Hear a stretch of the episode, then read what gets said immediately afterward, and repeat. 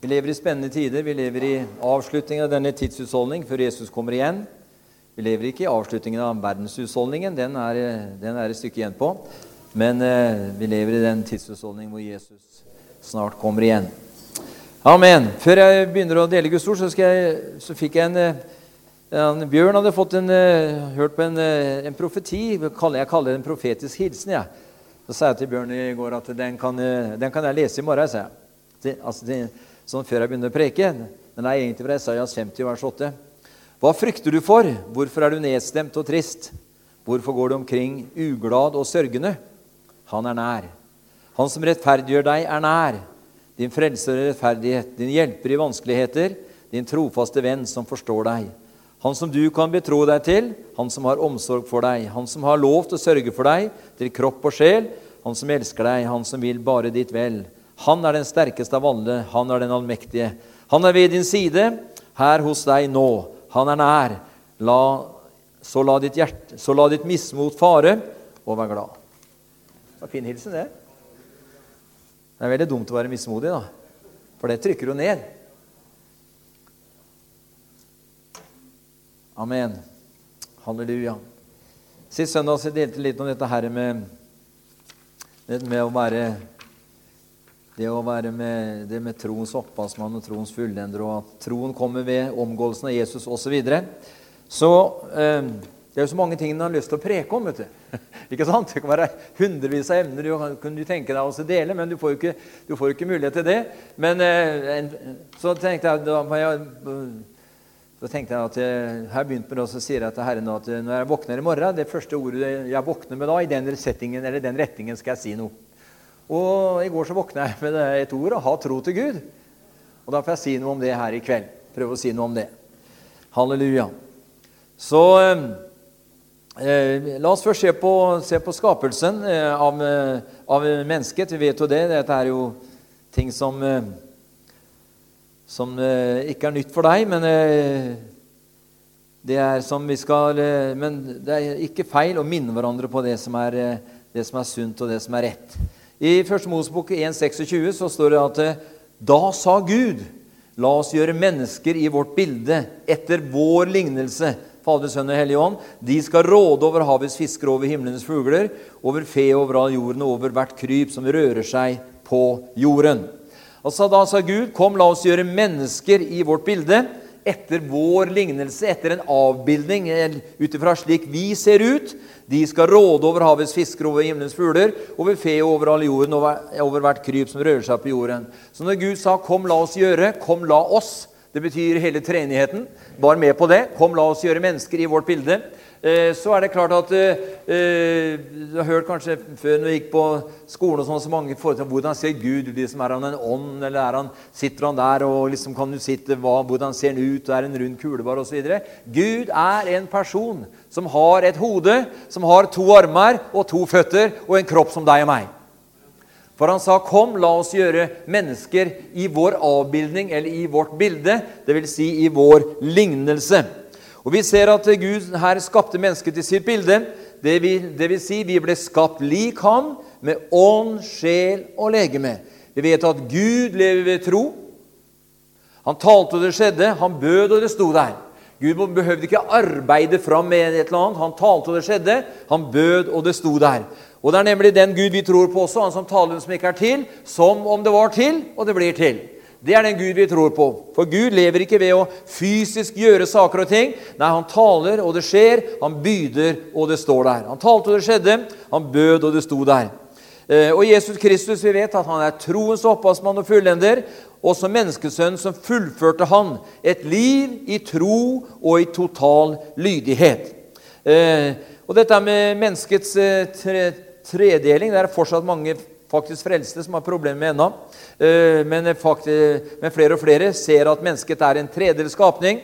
For i 1. Tessalonikerbrev, Paulus skriver i 1. Tessalonikerbrev 5 og vers 23, så, så snakker han om eh, menneskets tre dimensjoner ånd, sjel og kropp. Og vi vet at med vår ånd, venner, så kontakter vi, eh, du og jeg, den åndelige verden.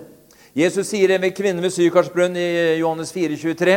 Han sier at de sanne tilbedere er de som til, eh, de skulle ikke tilbe verken på fjellet Garishim eller i Jerusalem, men en tid er nå kommet, sier Jesus, da de sanne tilbedere skal tilbe Faderen i ånd og i sannhet, fordi at eh, Faderen er ånd. Eh, og med vår sjel, venner, så, kontakter du og jeg den intellektuelle verden, og med vår kropp så har vi kontakt, eller kontakter vi den fysiske verden. Og så var dette ordet som jeg, som jeg, som jeg fikk på morgenen. da, Markus 11, 22. Ha tro til Gud. Og hva betyr egentlig det å ha tro til Gud, eller det å ha tro for noe? Jo, eh, Ordspråkene 3 og fra vers 5 til 7 taler om det at, eh, om det at, eh, at eh, vi, skal sette vår, at vi skal sette vår lit til Herren og ikke stole på vår forstand. Jeg slår ikke opp den verset, jeg sier noe mer da. Men summen av det er at vi ikke skal sette vår lit eh, eh, til oss selv og ikke stole på vår forstand, men vi skal sette vår lit til Herren. Det betyr også ganske enkelt at du og jeg vi kan ikke sette vår lit til vår tro. Vi kan ikke stole på vår tro, men vi må sette vår lit til Han, eller vår tro til Han som er troens opphavsmann og fullender. Halleluja. Og Hebreerbrevet 11 forklarer jo egentlig hva tro er. Det er jo heller ikke noe, heller ikke noe nytt for deg, men vi leser det likevel i Hebreerbrevet 11. Og fra vers 1 til 3 så ser vi her i Hebreerbrevet 11, og i vers eh, 1 eh, til 3 så leser vi her men tro er full visshet om det en håper, overbevisning om ting en ikke ser. For på grunn av den fikk de gamle godt vitnesbyrd. Så eh, det de gamle fikk godt vitnesbyrd, var ikke pga. hvor gamle de blei, men pga. deres tro. Og ved tro forstår vi, eller skjønner vi, at verden er skapt ved Guds ord, så det en kan se, ikke har blitt til av det synlige, sier Hebreerbrevet 11 fra vers 1 til 3 her. Altså Tro er med andre ord full visshet om det en håper på, overbevisning om det en ikke ser. Og hvordan er det da mulig å tro på noe som en ikke ser?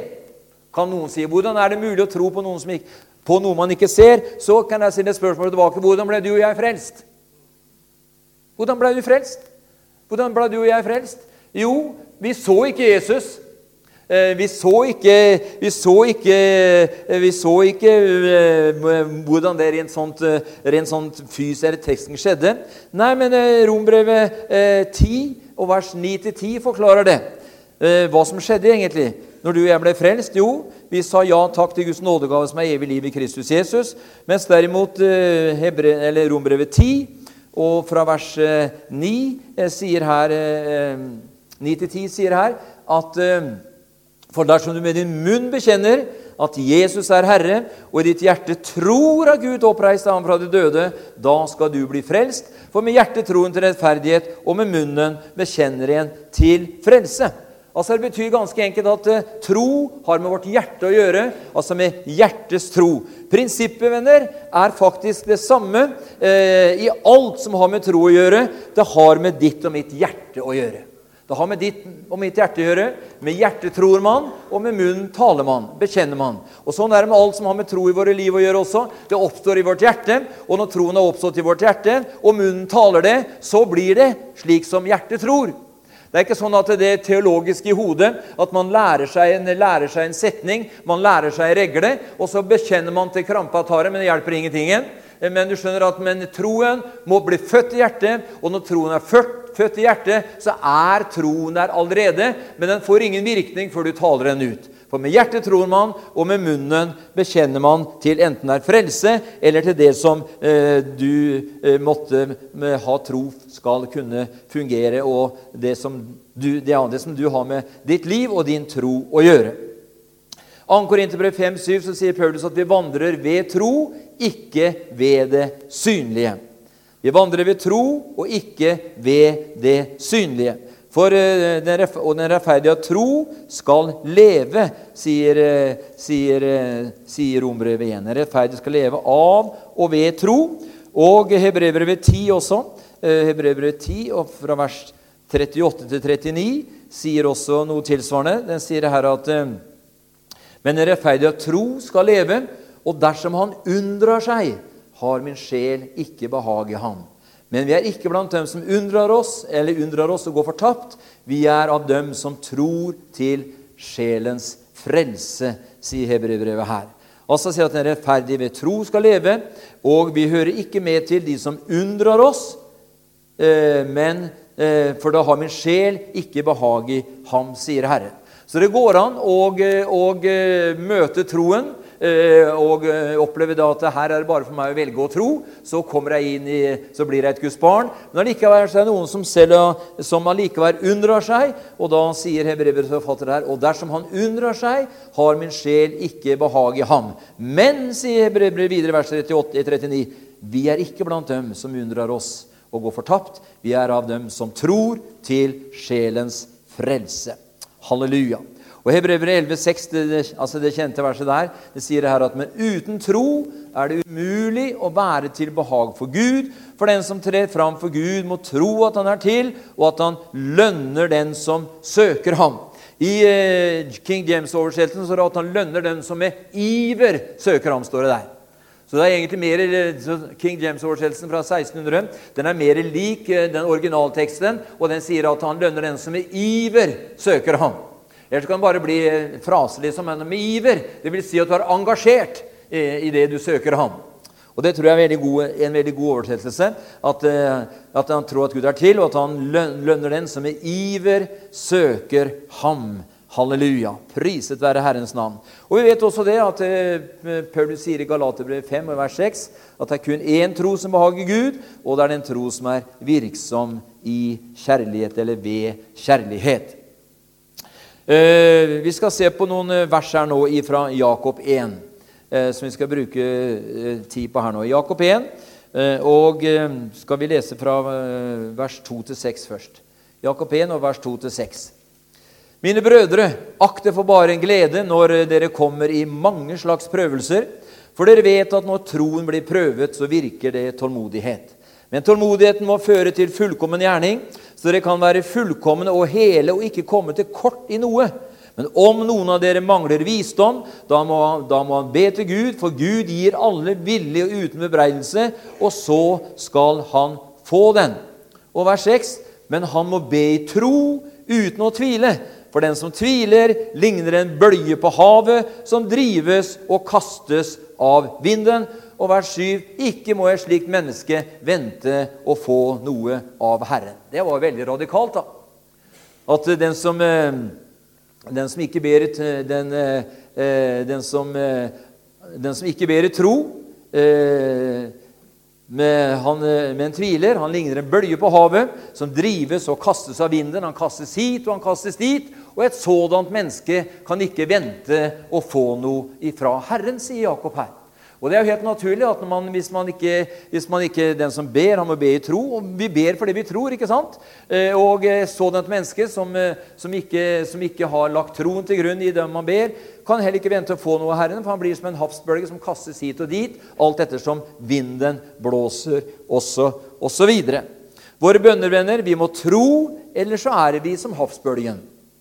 Vi får ingenting. Derfor er det så viktig for oss alle å leve ut ifra den nye skapningens natur. Den gamle skapningen kan du ikke tro på den måten. Den nye skapningen er født av Gud, og den kan, og den kan tro, skjønner du. For at uh, Den nye skapningen den, den, er, den har verken dagers begynnelse eller dagers ende. Men den er født av Gud, og han har lagt den ned i vår ånd. Han tok ut steinhjertet, ga oss et kjødhjerte, skrev, sin, skrev sin, sitt kjærlighetsbud på vårt, på vårt kjødhjerte.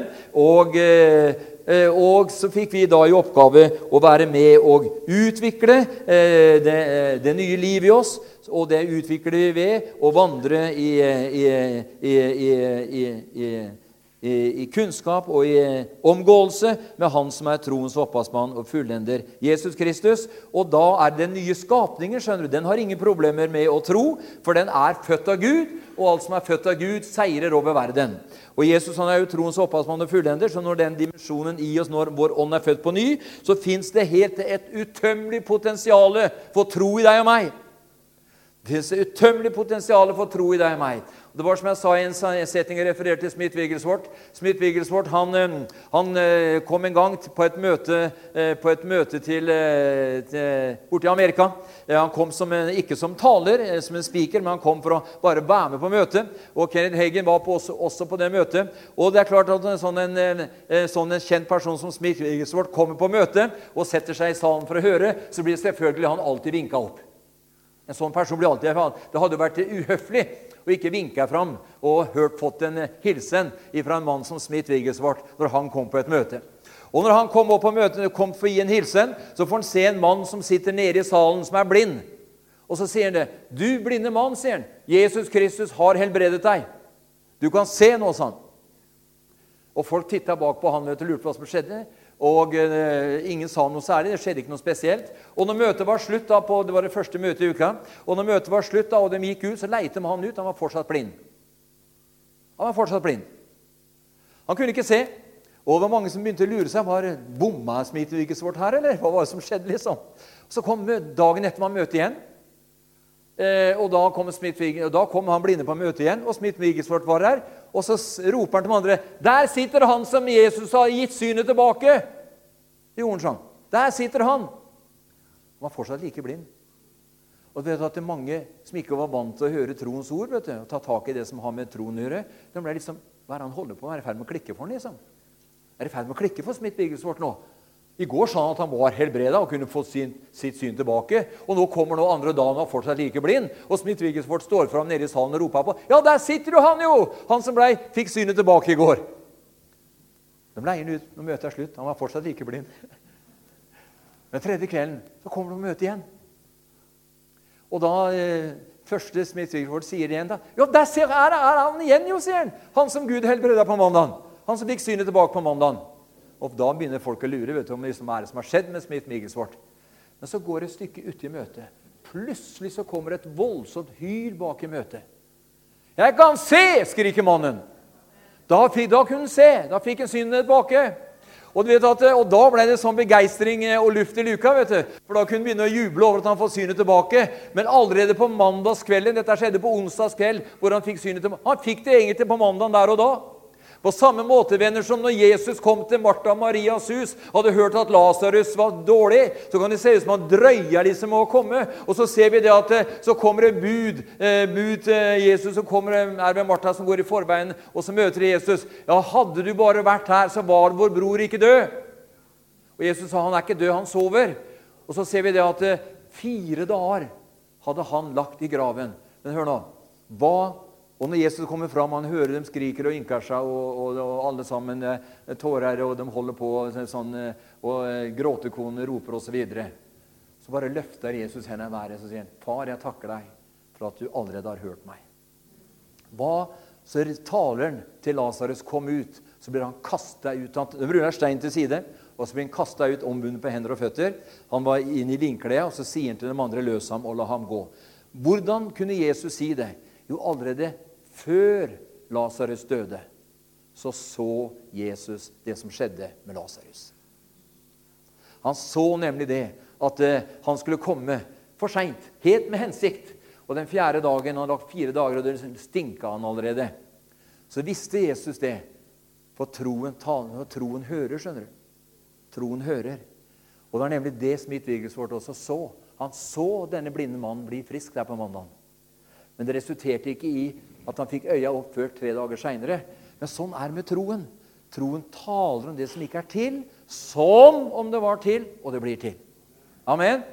Så, og Det er nemlig den troen der som Gud vil hjelpe oss med. Og, eh, eh, så vi kan komme inn i den dimensjonen av denne eh, guddommelige troen. Den samme troen som Jesus var drevet av, den samme troen som apostlene var drevet av, den samme troen som Smith Wigglesworth eh, var drevet av, den samme troen bor ved troen i ditt og mitt hjerte ved Den hellige ånd, som allerede er oss gitt. Amen. Så den nye skapningen, deg og meg, venner, det er derfor er det viktigere enn noen gang at vi pleier livsfellesskapet med Han som er vår Herre og Frelser, Jesus Kristus. Så eh, 2. Korinter 5, 17, Dersom noen er i Kristus, er han en ny skapning. Og faktisk er det ut ifra eh, eh, Da vil vi, Når vi begynner å handle ut fra den nye skapningens innskytelse, så vil vi nemlig tro uansett hva våre naturlige sanser måtte fortelle oss. Derimot et naturlig menneske eller en troende som vandrer som et naturlig menneske. Det går an å være frelst og født på ny, men leve som et menneske som ikke er født på ny. Du lever i, eh, du lever i, i sjelen. Du lever, i, du lever, som et naturlig menneske. Eh, og, så, og, og da, så, så kan du ikke tro. Eh, fordi at skjer, sansene våre, eh, både det ørene hører eller det øynene ser, eh, det liksom på en måte kan være med å hindre eh, troen vår i å bli en virkelighet. Jeg kommer litt mer tilbake på det. Men i, i, i 1. Korinterbrev 2 og i vers 14 så står det et herlig vers der. 1. Korinterbrev 2 eh, og i vers eh, er lenger tilbake, 1. Korinterbrev 2 og vers 14 så ser vi her at står her. Men et sjelig menneske tar ikke imot det som hører Guds ånd til. Det står ikke at det ikke er frelst, for det er en dårskap for ham. Og han kan ikke kjenne det. Det kan bare bedømmes på åndelig vis. Det åndelige mennesket derimot kan dømme om alle ting, men om han selv kan ingen dømmes. For hvem kjente Herrens sinn, så han kunne undervise ham? Men vi har fått Kristi sinn, sier, sier, sier Paulus her. Du har sikkert hørt historien om en kar som heter Norvald Hayes. Han var en kjent predikant eh, i Statene. Han er hjemme hos Herre nå for en del år siden. Han eh, var, som Eigar eh, nevnte, han var veldig til å dele ut traktater og, og evangelisere. Han var en evangelist. Og så En gang hadde han, hadde han vært ute, og han hadde holdt på lenge. og Så hadde han blitt fått, fått spanner på en ferietur til Florida. Ganske syd i Florida. Og så skulle de ha ei uke ferie der på et, på et hotell ved stranda der. Han og hele familien. Og eh, første feriedagen da de skulle ned på stranda, så sier Den hellige ånd til ham at eh, denne uka her skal du, skal du, evangelisere på stranda. Så ta med deg traktatene dine, Norway, og så skal du misjonere. Og eh, de andre i familien syntes kanskje det var litt drøyt. Liksom, han skulle ikke ha ferie, liksom. Nei, men han, eh, han begynte å misjonere, og han gikk og delte ut traktater hele den uka på stranda der de var på ferie. Så, eh, og Det var kanskje noen som var litt sure på det i familien, men han gjorde som Gud sa. han, vet du. Han eh, var ikke kona eller barna som, kunne, som, som, som setter dagsorden. Hvis du ikke lenger lever selv, men, lever, men, men, at Kristus lever i deg, og han styrer ditt liv, så er det egentlig han som har herredømme over ditt liv også. Verken kona eller barna, men det er Kristus Jesus og ham alene. Så Norvald Hayes han var en mann som adlydet Herren fremfor andre. Men eh, det gikk jo fint. De hadde jo, eh, de hadde jo fin uke der, og den øvrige familien sola seg osv. På veien hjem, når de reiste hjemover, så kommer de til et sted hvor på en liten ødemark så står det skilt. Så står det eh, 'tomt for salg', eller 'eiendom for salg'. Det var bare en tomt. Og så hører Den hellige ånd si 'kjøp den', sier han. Kjøp den. Det var veldig billig òg. Så det var ikke, mye, han, var ikke mange, mange, tusen dollar han ga for den der tomta der. Men han kjøpte den, eh, kjøpte den tomta og fikk ordna opp med skjøte og betalt og eh, alt dette her. Så tenkte han ikke noe særlig mer over det. Og så, sier han, og så forteller han følgende Så gikk det et par års tid så kommer en henvendelse om han var villig til å selge den tomta. Og det var med en sånn en gevinst som du aner ikke. altså. Det var snakk om million i dollar, halvannen million i dollar var det han kunne få for en tomta. Og det at han, det var jo, og han ble jo kjempeoverraska. Han hadde ikke lagt den ut for salg, men det kom noen og kontakta ham og ville kjøpe den. Og da sier Herren til ham, 'Husker du den gangen, for den tid når dere var på ferie der nede på den, det og det hotellet der nede?' Når jeg ba deg om å evangelisere på stranda denne uka, og du handla på det. Den, den tomta og den gevinsten du får nå, det var en belønning for det, sa Herren til. Så du vet at det er ikke alltid du og jeg ser frukten av vår lydighet med en gang. Men den kommer til rett tid. For da trengte han penger på det tidspunktet, så trengte han da penger til sin, sin eh, omfattende, eh, omfattende virksomhet osv. Så, den er altså sånn, den Norway Hays-historien eh, her den har du sikkert hørt også. Men at det førte bare til at eh, Gud bare sa til henne fordi du var lydig den gangen. Du hadde ferie, du kunne tatt fri. Men fordi du allikevel gjorde det jeg sa deg å gjøre, så kom fruktene her. Så fikk en den, fikk en den tomta. Vi vet jo at Filipp, Paulus sier i Filippebrevet 4 vers 7 at troens sikkerhet eller troens overbevisning er hjertets fred. Altså Når du handler og gjør et eller annet, og du bestemmer deg for enten å kjøpe deg en bil eller en båt eller hytte eller hus eller leilighet, hva det er, og du kjenner det minste fnugg av uro Vi kommer til å komme kanskje litt inn på det her, her til lørdagen som kommer. Men at det minste fnugg av uro Takk nei. Takk nei. For det at eh, troens sikkerhet, skjønner du, er fred. Det er fred. Det er fred. Og Derfor så sier han det i Filippebrev 4,7 om at troens sikkerhet er hjertets fred. Halleluja. Så eh, begynte jo med det fra Markus 11,23. Har man, at man, hvis man har tro så man kan flytte fjell, og ikke tviler i sitt hjerte, så vil fjellet bli forflyttet. Eh, vi skal se på noen vers her i Apostelgjerningen 14. Eh, eh, 14 og i vers, eh, vers 2. Apostlene 14. Og i vers 2 så står det her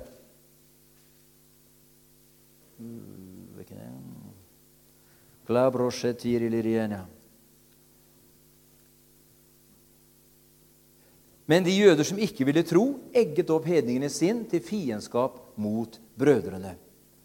Altså, Altså at det å ha tro, det er noe man bestemmer seg for. For det står her at det, Men de jøder som ikke ville tro Altså, de ville ikke tro. De, de, de kunne tro, men de ville ikke tro. Egget opp hedningenes sinn til fiendskap mot brødrene, står det.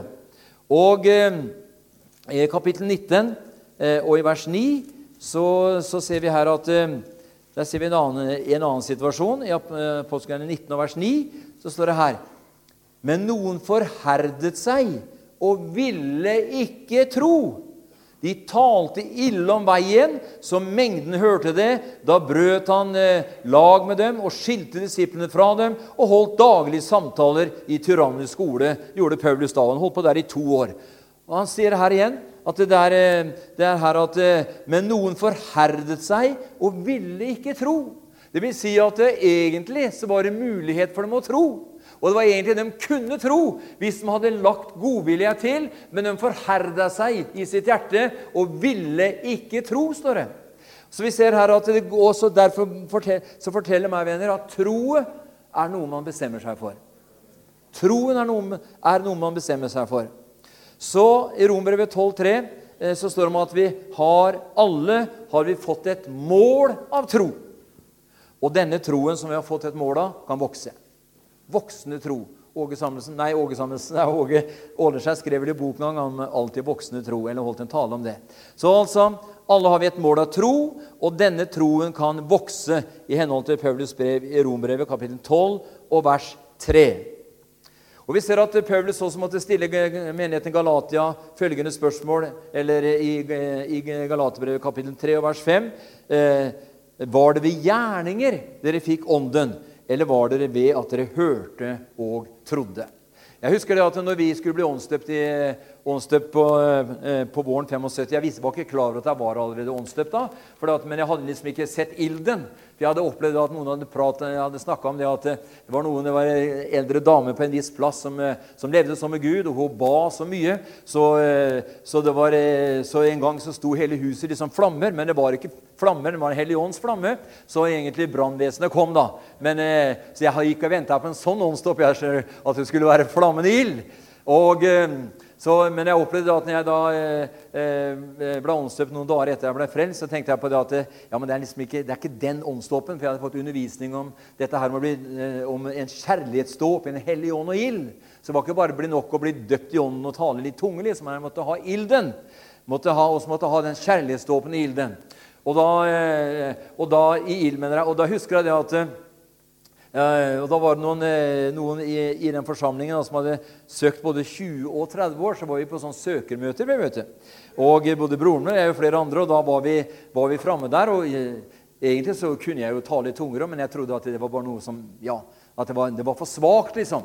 Så, så, eh, så, så, husker jeg at så sier, så sier ene personen der at du må bli helt tom først. Du må tømme deg helt.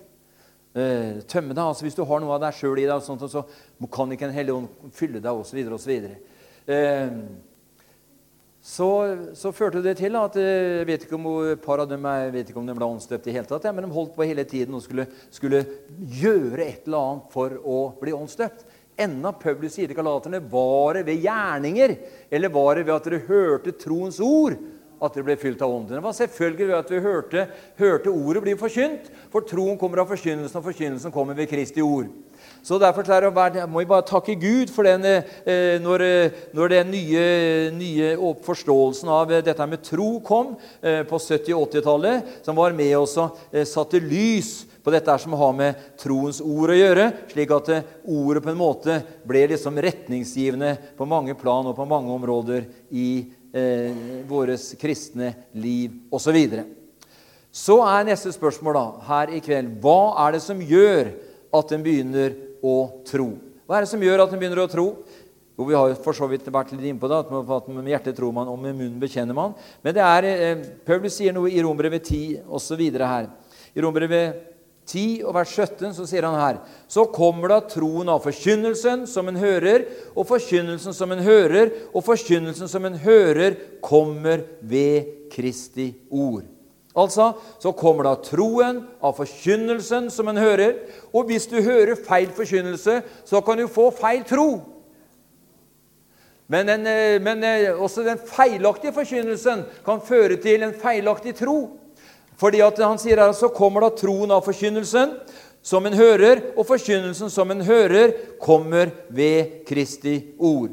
Så ser vi her videre her at eh, eh i vers eh, Eh, i vers 8 her, også Romerne 10 og vers 8.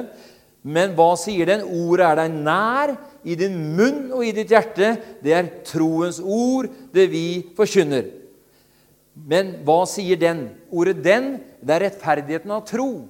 Rettferdigheten av tro sier 'ord er deg nær, i din munn og i ditt hjerte'. Det er troens ord vi forkynner. Det er ikke tro ved gjerninger som sier det, men rettferdigheten av tro sier det. At ordet er deg nær, i din munn og i ditt hjerte. Og så er det da troens ord, det vi forkynner. Halleluja. Sånn, eh, sånn, eh, sånn teologisk eh, eh, avklart her. Halleluja. Så eh, Og Apostelgjerningen 14 eh, og vers 8-10 snakker om at da, da han hørte troens ord og trodde Vi skal se på det i Apostelgjerningen 14 og vers 8 og vers 10. 8-10 står det her.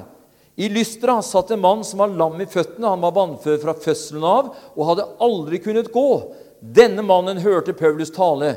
Paulus så nøye på ham, og da han så at han hadde tro til å bli helbredet, ropte han, 'Reis deg og stå på dine føtter.' Da sprang han opp og gikk omkring. Da sprang han opp og gikk omkring, leser vi her. Han hørte troens ord, og så trodde han. Han trodde det han hørte. Halleluja. Og Paulus så skarpt på ham, og da han sa han hadde tro, så han hadde tro, sa han, 'Stå opp og gå på dine føtter.' Og han sto opp, og han, eh, han, eh, han, eh, løp omkring. Halleluja. Så vi ser her at, at han hørte troens ord, og så trodde han. Hva var han trodde? Han trodde Guds ord For ordet. Han trodde Guds ord ble forkynt, og når han hørte Guds ord, så skapte det tro i ham, og det førte til at han tok imot eh, i sitt hjerte, og så ble han helbreda. Han hørte troens ord og trodde. I 1. 2. Tessalonikerbrev 1 og vers 3 så taler det om alltid voksende tro. Eh, og eh, skal ikke slå opp det heller, men i Matteus 8 vers 10 så taler det om at troen kan måles. Den kan måles. Og eh, i Rombrevet 4,20 skal jeg ikke slå opp, står det om sterk tro. I Jakob 2,5 står det om rik tro. I Jakob 2, 22 så står det om fullendt tro. I 1. Timoteus 1,5 står det om oppriktig tro. I Matteus, Matteus 14,31 står det om liten tro. Og i 1. Johannes 5,4 står det om seirende tro osv.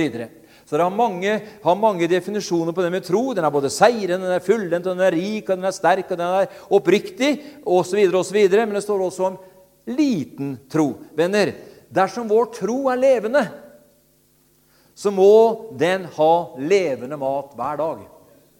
Den må ha levende mat hver dag, på samme måte som ditt og mitt fysiske legeme eh, må spise hver dag. Du kan selvfølgelig faste, men så normalt må du spise hver dag. Derimot er den eh, troendes eh, mat det er Guds ord.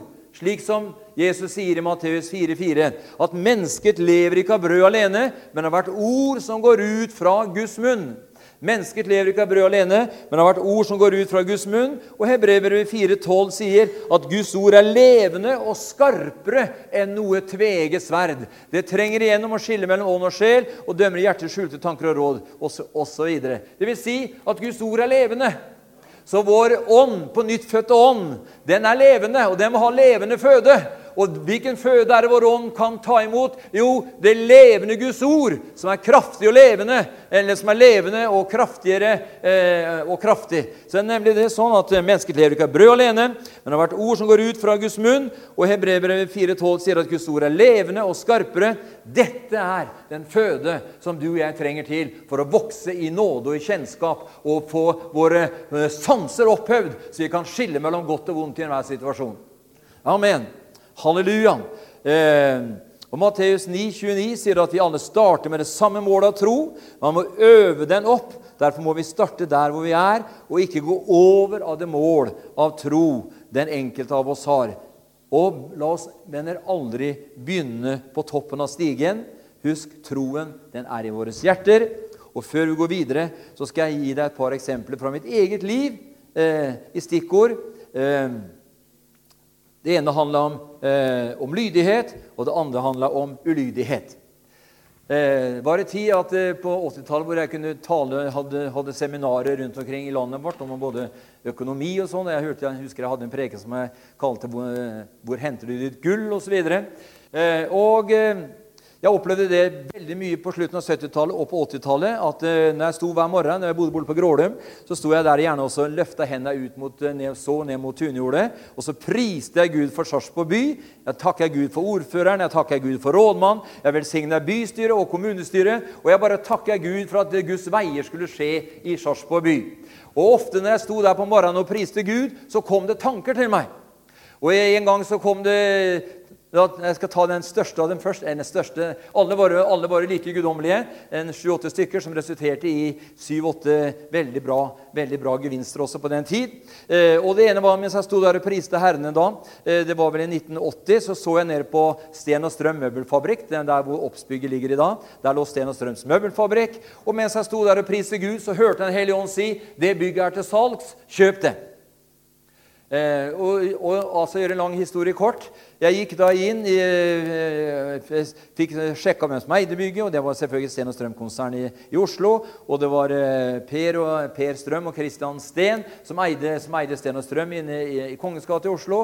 Og jeg sendte da et skriv til dem og spurte om de var, kunne tenke seg å selge sin eiendom på Elgveien i, eh, på altså Tunjordet. Og fikk et meget skarpt brev tilbake. Hvem tror du at du er?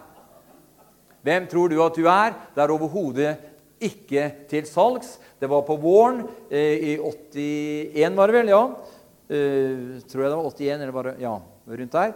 Så gikk det så, så, gikk det en, så gikk noen måneder, og jeg bare holdt oppe. For jeg visste at Gud hadde sagt det. Og når Gud har sagt noe, så blir det sånn. Eh, men det kan ta litt tid.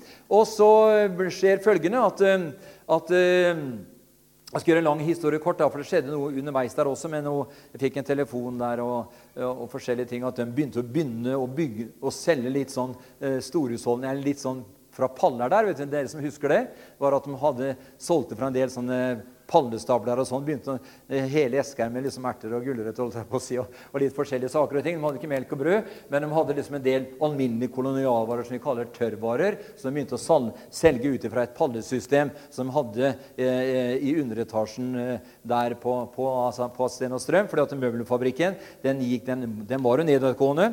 Og så husker jeg det, for lang historie kort, så kom vi da til eh, dagen før nyttår. Eh, i, det var 81, eh, ja, 81 var det vel. Så, så får jeg en tanke om jeg skal ringe inn til direktøren der inne og ønske en, ønske en godt nytt år. da. Takk for det gamle, ønske en godt nytt år. Og så ringer jeg inn til, til, til Sten og Strøm-konsernet i Oslo og får tak i meg gjennom et sånt forværelse der som var, var veldig sånn veldig, Sten og Strøm var veldig det vet du, sånn, sånn, er ikke noe, Her kommer jeg inn der, altså. Så var det sånn at eh, jeg ringte og spurte for å snakke med administrerende direktør Kristian Steen.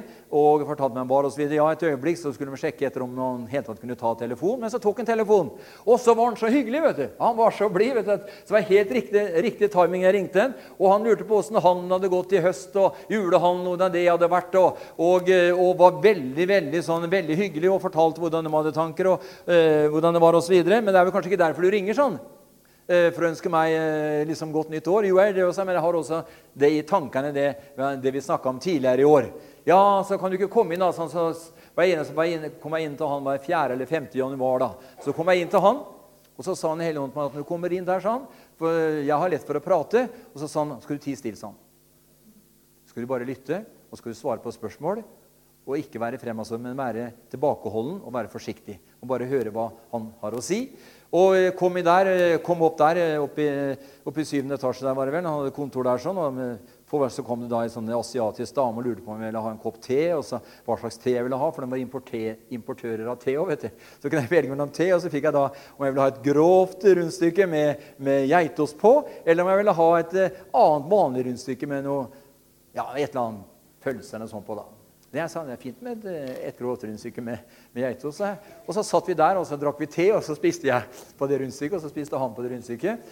Og så, og så sier han det at eh, så sier han det at eh, ja, så, du er interessert i å kjøpe, da, sa han. Ja, jeg er interessert i å kjøpe, sa jeg. Så eh, Ja, så, så, satt jeg der og bare hørte fra fram og tilbake, og så ble det to-tre møter fram og tilbake inn igjen. Da Da var hun på glid, vet du. Han måtte ha det opp i liksom styret og snakke med han andre eierne osv. Og, så og så til slutt så kom han og sa hva, du ha, hva kan du betale, da? sa han. Jeg kan betale 19 millioner, sa jeg. Ja 19 millioner, sa han da. Vi, vi, tenkte vi skulle ha 25, vi, sa han. Men det er jo sånn i handel og vandel sånn at vi møtes gjerne på halvveien. Jeg visste at det var 22 i mitt hjerte, altså. Men jeg visste at ville, at det ville bli en, en liten sånn diskusjon der. Så, men kan vi si 22, da? Sånn? Ja, da sier vi 22. Greit. Så sjekka vi hands på det, og så kom det dokumenter og eh, kontrakter og sånt. hvor jeg skulle dokumentere. For det var ikke gitt brukssending på Tynjorda. da, vet du. Det var, et, bare, det var et, mer et eh, landbruksområde. Og så satte vi i gang prosessen da, med å, med å eh, hele den våren med å eh, omdire, eller om, omdisponere eller omregulere hele tunjordet til et handelsområde. Og det var de, de, de kronene var det som jeg betalte denne gangen, som, omdirigerte eller omregulerte hele tunjordet til et handelsområde. Så det, det var tidlig på 80. Det var eh, Våren 82 var det, det vel 80, 82, ja. Så, så, skjedde det at det gikk i orden. Men så kom vi på høsten, du, så ble det kjent. for Det skulle ikke, være, det skulle ikke slippe ut til noen. Og plutselig eh, Jeg skulle overta 1.11. Eh, og eh, var forut, uten forutsetning det var for, under forutsetning bruksendring, for ingen banker som ga deg et lån på en sånn en møbelfabrikk hvis det ikke var bruksendring. vet du. For da var jo eiendommen mye lavere verdt. Ikke sant? Det er spørsmål hva du kan bruke eiendommen til, som, av, som, som setter prisen på hva, på hva, eiendommen kan betales for. Og så husker jeg det veldig godt at um, det var da en, um, en torsdag uh, klokka halv seks. Og da visste jeg at Kooperasjon i Østfold hadde vært på banen og bydd 25. Eh, og da tenkte vi selvfølgelig Sten nå kan vi få tre millioner til. Eh, så sier han at eh, De Lund, sier han, eh, vi ønsker ikke å stå ved avtalen lenger og vil ta konsekvensene av det. Men dersom du klarer å dokumentere at du har 22 millioner i finansiering på fredagsmorgen innen klokka ni, så står vi ved avtalen. Vi hadde seira, men det hadde blitt, mye bråk ut av det hvis vi skulle kjøre den saken. Og da klokka halv seks da var banker stengt, alt var stengt. Og da hadde jeg ikke noe annet å gjøre. Jeg satte meg i bilen og kjørte til Oslo. Og kom inn på, kom inn på eh, Jeg tror jeg fortalte det sikkert en gang før. Havna, havna ved åttetida inne på en, på en parkingsplass eh, hvor jeg tenkte jeg skulle dra og besøke, besøke den, noe som heter Nevi Finans den gangen. For jeg kjente han Morten Gullhaug og han han eh, andre fra Fredrikstad, som ble tidligere DNB-sjef i Østfold seinere. Så, så, satt vi Og akkurat han kom ned, så ringte jeg på døra, det var låst. Men akkurat når jeg sto der, så kom det en kar ut eh, som skulle ut og ta seg en røyk. Han kom ut, eh, og da ble døra åpen. Så spurte jeg at eh, er det, ja, det er styremøte oppe, sånn. De sitter oppe. bli med opp. Og så ble jeg med opp. Og så la jeg fram eh, situasjonen der og sa at eh, Sten og Strøm-konsernet har forlangt følgende at, vi skal ha, at eh, de må ha klarhet i morgen før klokka ni, ellers så mister vi dealen. Og så var jeg oppe der og snakka med dem der, og så fikk vi 15 millioner der. Eh, uten forutsetning bruksendring. Jeg visste jo at bruksendringen ville komme, for det var gått såpass langt i prosessen. Og så eh, hadde vi Bergen Bank eh, i Sarpsborg, som eh, Gunnar Østhagen og advokat Grinstad og, og eh, han, eh, han eh, Ja Gunnar Østhagen, advokat Grinstad og han der tidligere handelsmannsformann i Sarpsborg satt. og så, så, sier, så, ringer jeg til han så sier han, da kan komme, så kommer jeg hjem til han på nattmøte klokka halv ett. Eller tolv bare på kvelden. Tolv var i dag, hadde nattmøte med han og spurte om han kunne stille opp med en garanti på de syv. for det var garantier vi måtte ha på det. Og Da sier han at fra vår side så er det greit, men at styreformannen måtte gi sin tilslutning på morgenen. da. Og han der Kontorsjefen min han tente den ene sigaretten med den andre. Han røyka, han, han stressa ut og nervøs. Han var overnervøs. Jeg var så rolig. Jeg bare visste, for troen vet at den vet at den vet at den vet. Jeg bare visste at det gikk gjennom. For Gud hadde jo talt. Og så, og så skjedde det da at uh, at uh, han styreformann sa ja. Og klokka var vi skal klokka, svare eh, fem over, ja, sånn cirka halv ni. Fem, fem ti over halv ni. Da var, uh, da var, da var garantien skrevet og signert og ble sendt med sånn personlig bud til Sten og Strøm-konsernet. I tillegg så ble det faksa over. Og kvart på ni, eller ti, sånn 12-13 minutter på, på ni, så ble brevet, finansieringsbrevet overlevert til Sten og Strøm i Oslo hvor finansiering var et faktum. Fra dagen så hørte jeg aldri noe mer fra, eh, direktørene der inne i Sten og Strøm, men bygget var mitt.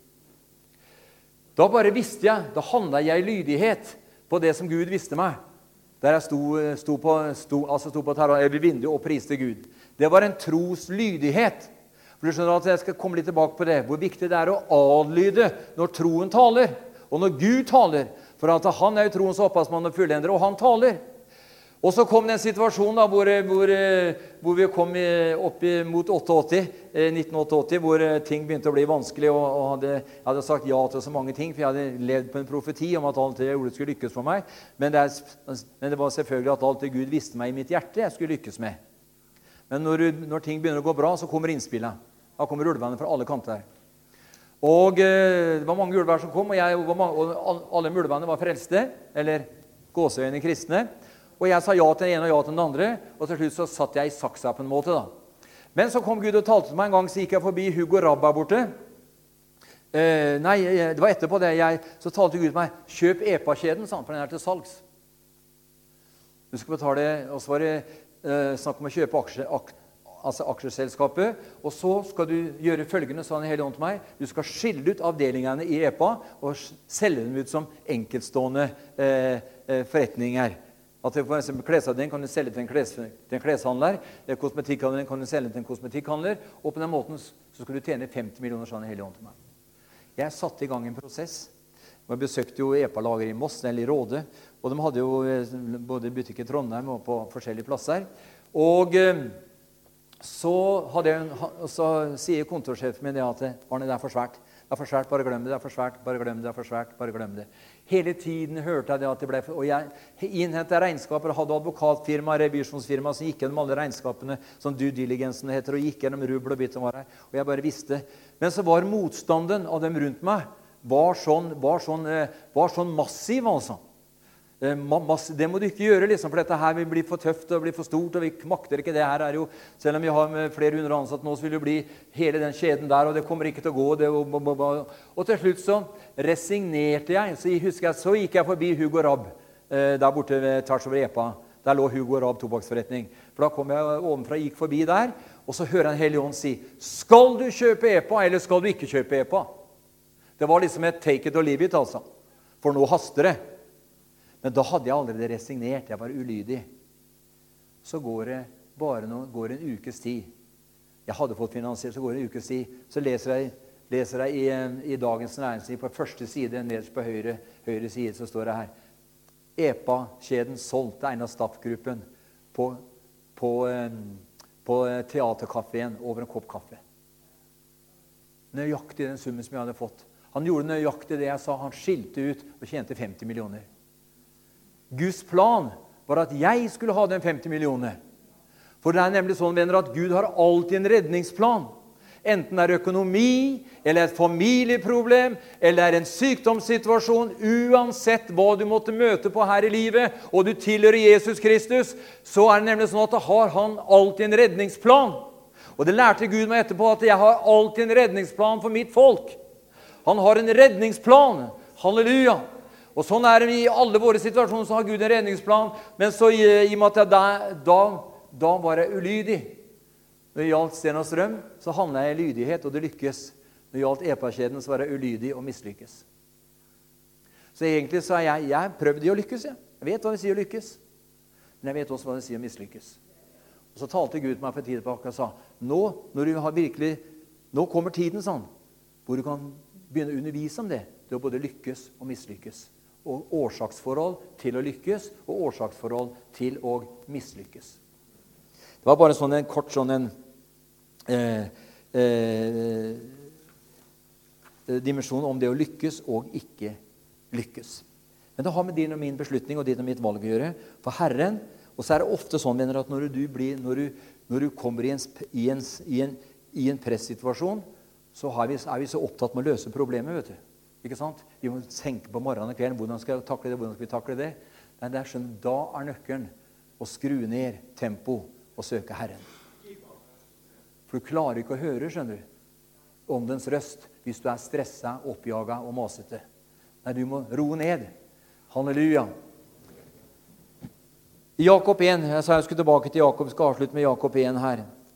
Og en, en, en del vers der. Jakob 1 og i vers 22 så står det her Men vær ordets gjørere, ikke bare dets hørere, ellers vil dere bedra dere selv.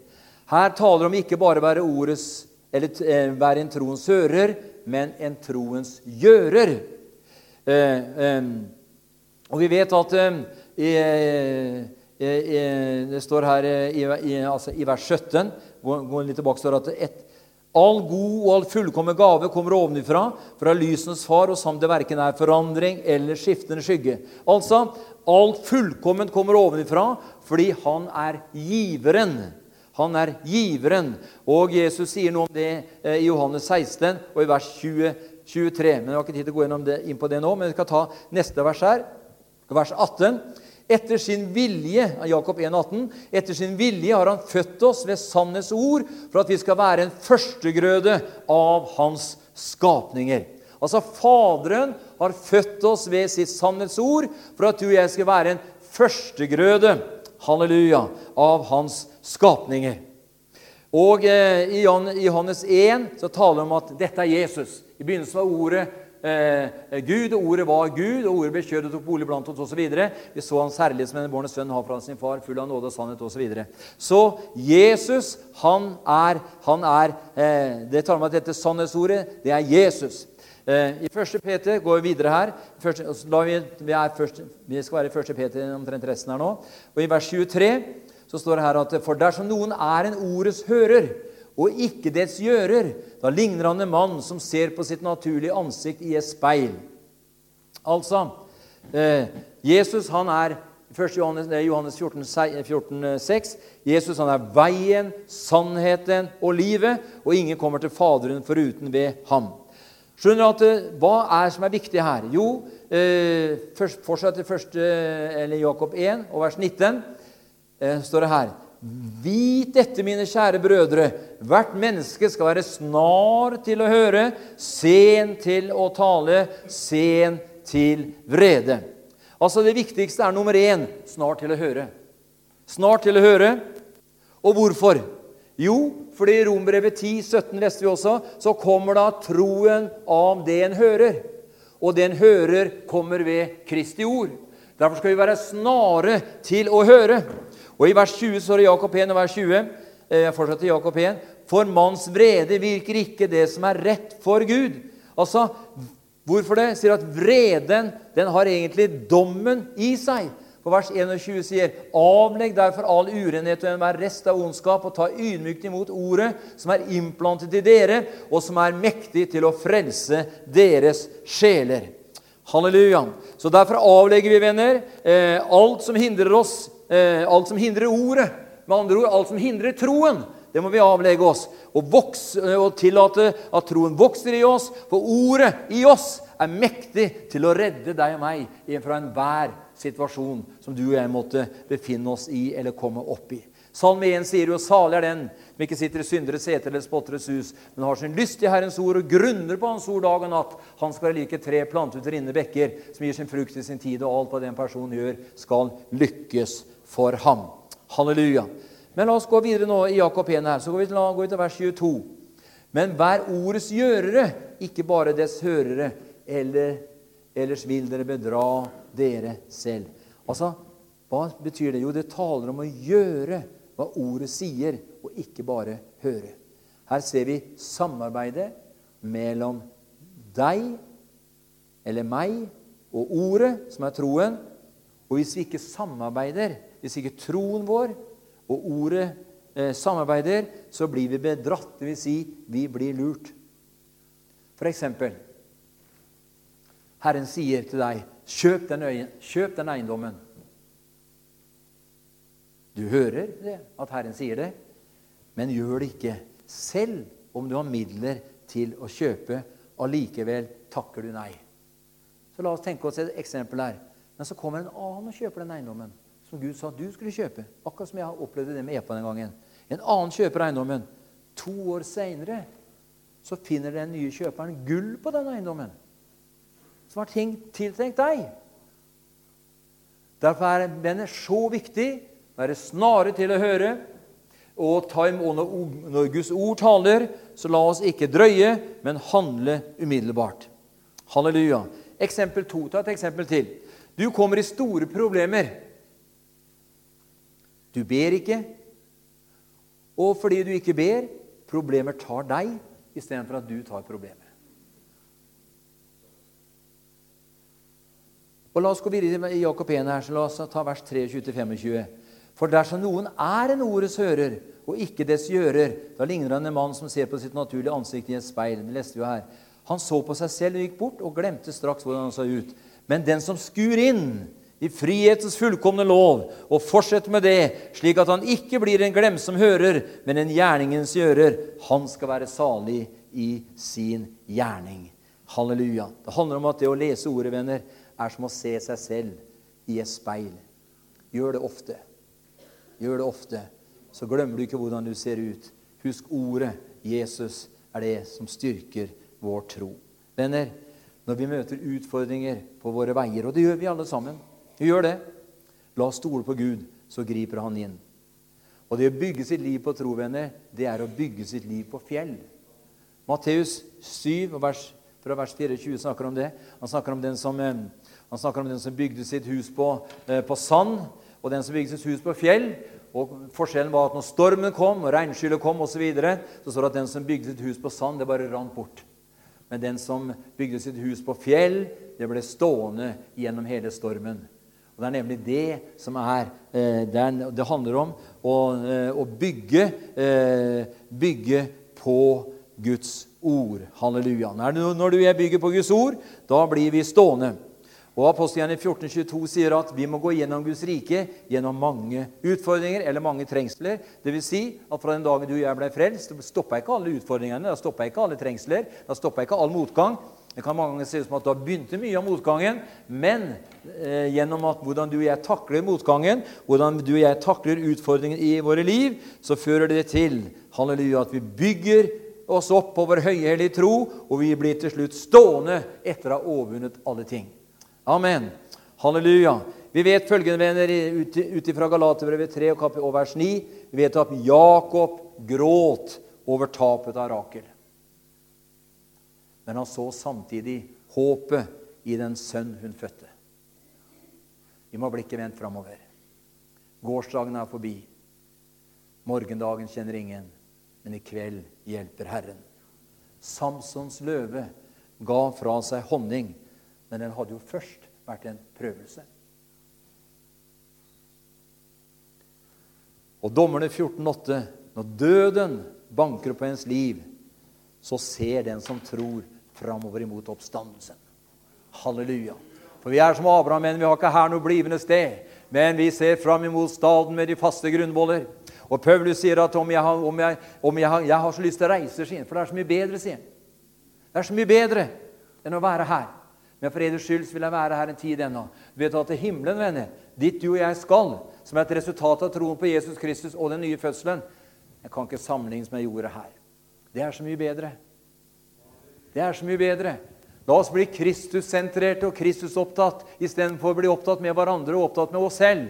Men la oss bli opptatt med Han som er troens opphavsmann og fullender. For Han som begynte, han skal fullføre inntil Jesu Kristi dag. Halleluja. Men Gud vil at vi skal lykkes her i livet. Gud vil at du skal være lykkelig. Ja, vil det? Ja, selvfølgelig vil han at du skal være lykkelig. Han vil at du skal være glad. Han vil at du skal være oppadgående, han vil at du skal være fremadstormende. Han vil at du ikke skal gjøre at du, du skal feste blikket på ham som er troens opphavsmann og fullender. Han vil hjelpe deg så du seirer under alle livets omstendigheter, under alle livets forhold. For han som begynte den gode, gode gjerning i og gjennom deg, han har ikke til hensikt å avslutte, skjønner du, men hans hensikt er å fullføre. Halleluja. Og fordi hans hensikt er å fullføre, så kan du og jeg være glad for at vi er frelst og født på ny. For at det er han som begynte, han skal fullføre. Derfor skal vi sammen se Guds herlighet over Sarpsborg by. Vi skal se den over Østfold, vi skal se den over nasjonen vår. Vi skal prise Gud for hverandre. Vi skal takke Gud for våre for rådmenn og ordførere og de som steller og styrer og, og tar hånd om det daglig i samfunnet vårt. Men vi skal samtidig være opptatt med Jesus Kristus på alle plan og på alle områder. For det er bare ved ham min sjel kan bli stille. Det er bare ved ham jeg kan finne den rekt sanne freden. Det er bare ved ham jeg kan erfare og få oppleve å gå i de ferdiglagte gjerningene. Det er bare ved ham vi kan bli ført inn i de grønne enger og spise av de markfulle og fete retter. Det er bare ved ham, venner, vi opplever at bare godhet og miskunnhet etterjager oss. Og han er i går i dag den samme. Ja, til levetid han som gikk omkring gjorde vel, og helbredet alle som var ovenfor djevelen, fordi Gud hans far var med ham. Han er med deg. Han er med deg på samme måte, for Jesus sa på samme måte som Faderen sendte meg, så sender jeg dere. Og jeg har sånn forventning i mitt liv om dagen, venner. Jeg bare ser framover at Gud skal gjøre noe mektig i denne by. Gud skal gjøre noe mektig i denne by. Gud skal gjøre noe mektig i ditt liv. Gud skal gjøre noe mektig i våre liv. Vi skal se opp til Ham. Halleluja. Vi skal stråle av glede. Og vi skal erfare og få oppleve at vi skal få se og bli delaktig i mye større ting enn vi kan fatte og begripe og forstå og be ham om. Og Gud minner meg på morgenen da jeg husker jeg gikk og besøkte Martin Mæland og Åge Åleskjær. Når de gikk på bibelskolen Rema der borte, borte, borte i Tølsan, så dro vi bort der i februar i 1985, var det vel. ja, februar 85. Og da jeg gikk om bord, da jeg kom til London, Heathrow, så var det sånn at Panam-flyet som skulle gå til som skulle gå til USA, det lå, sto litt ute på bakken, så måtte kjøre sånn, måtte ta buss ut. vet du var det den gangen, på de amerikanske de, de flyene som skulle over havet der. Og så da kjørte vi buss og gikk på den langgangen opp. Husker jeg da jeg gikk opp der, så talte Gud til meg og sa, 'Tro meg for store ting', sant? for jeg er en stor og mektig Gud. Ja, men skal du bare så stortale ting, da? Nei, det handler ikke om det. Men det er bare at vi må se hvem Gud er. Han er en stor og en mektig Gud. Halleluja! Han er mye større enn det du er i stand til å fatte og forstå og be ham om. Og han, venner, han bor ved troen i ditt og mitt hjerte. Derfor er ingenting umulig for den som tror. For på samme måte som ingenting er umulig for Gud, så er heller ingenting umulig for den som tror. Amen. Så var det verset jeg våkna med i går morges. Ha tro til Gud. Så er det sikkert masse mye mer å si om det, og kanskje enda bedre lagt ut osv. Men i hvert fall det jeg opplevde at det er viktig at vi fester blikket på ham som er troens opphavsmann og fullende. Kan ikke Maria Låsand komme opp her, så vi prise Herren til slutt her i kveld? Halleluja. Kirolo Bresjantoania. Halleluja.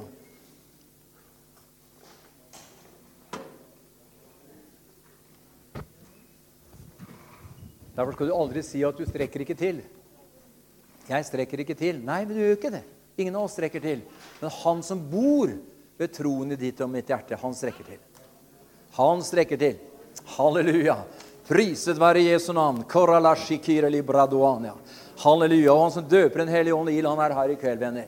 Han som fyller våre beger så det flyter over, han er her i kveld. Halleluja. Han som eh, leder oss til hvilens vann.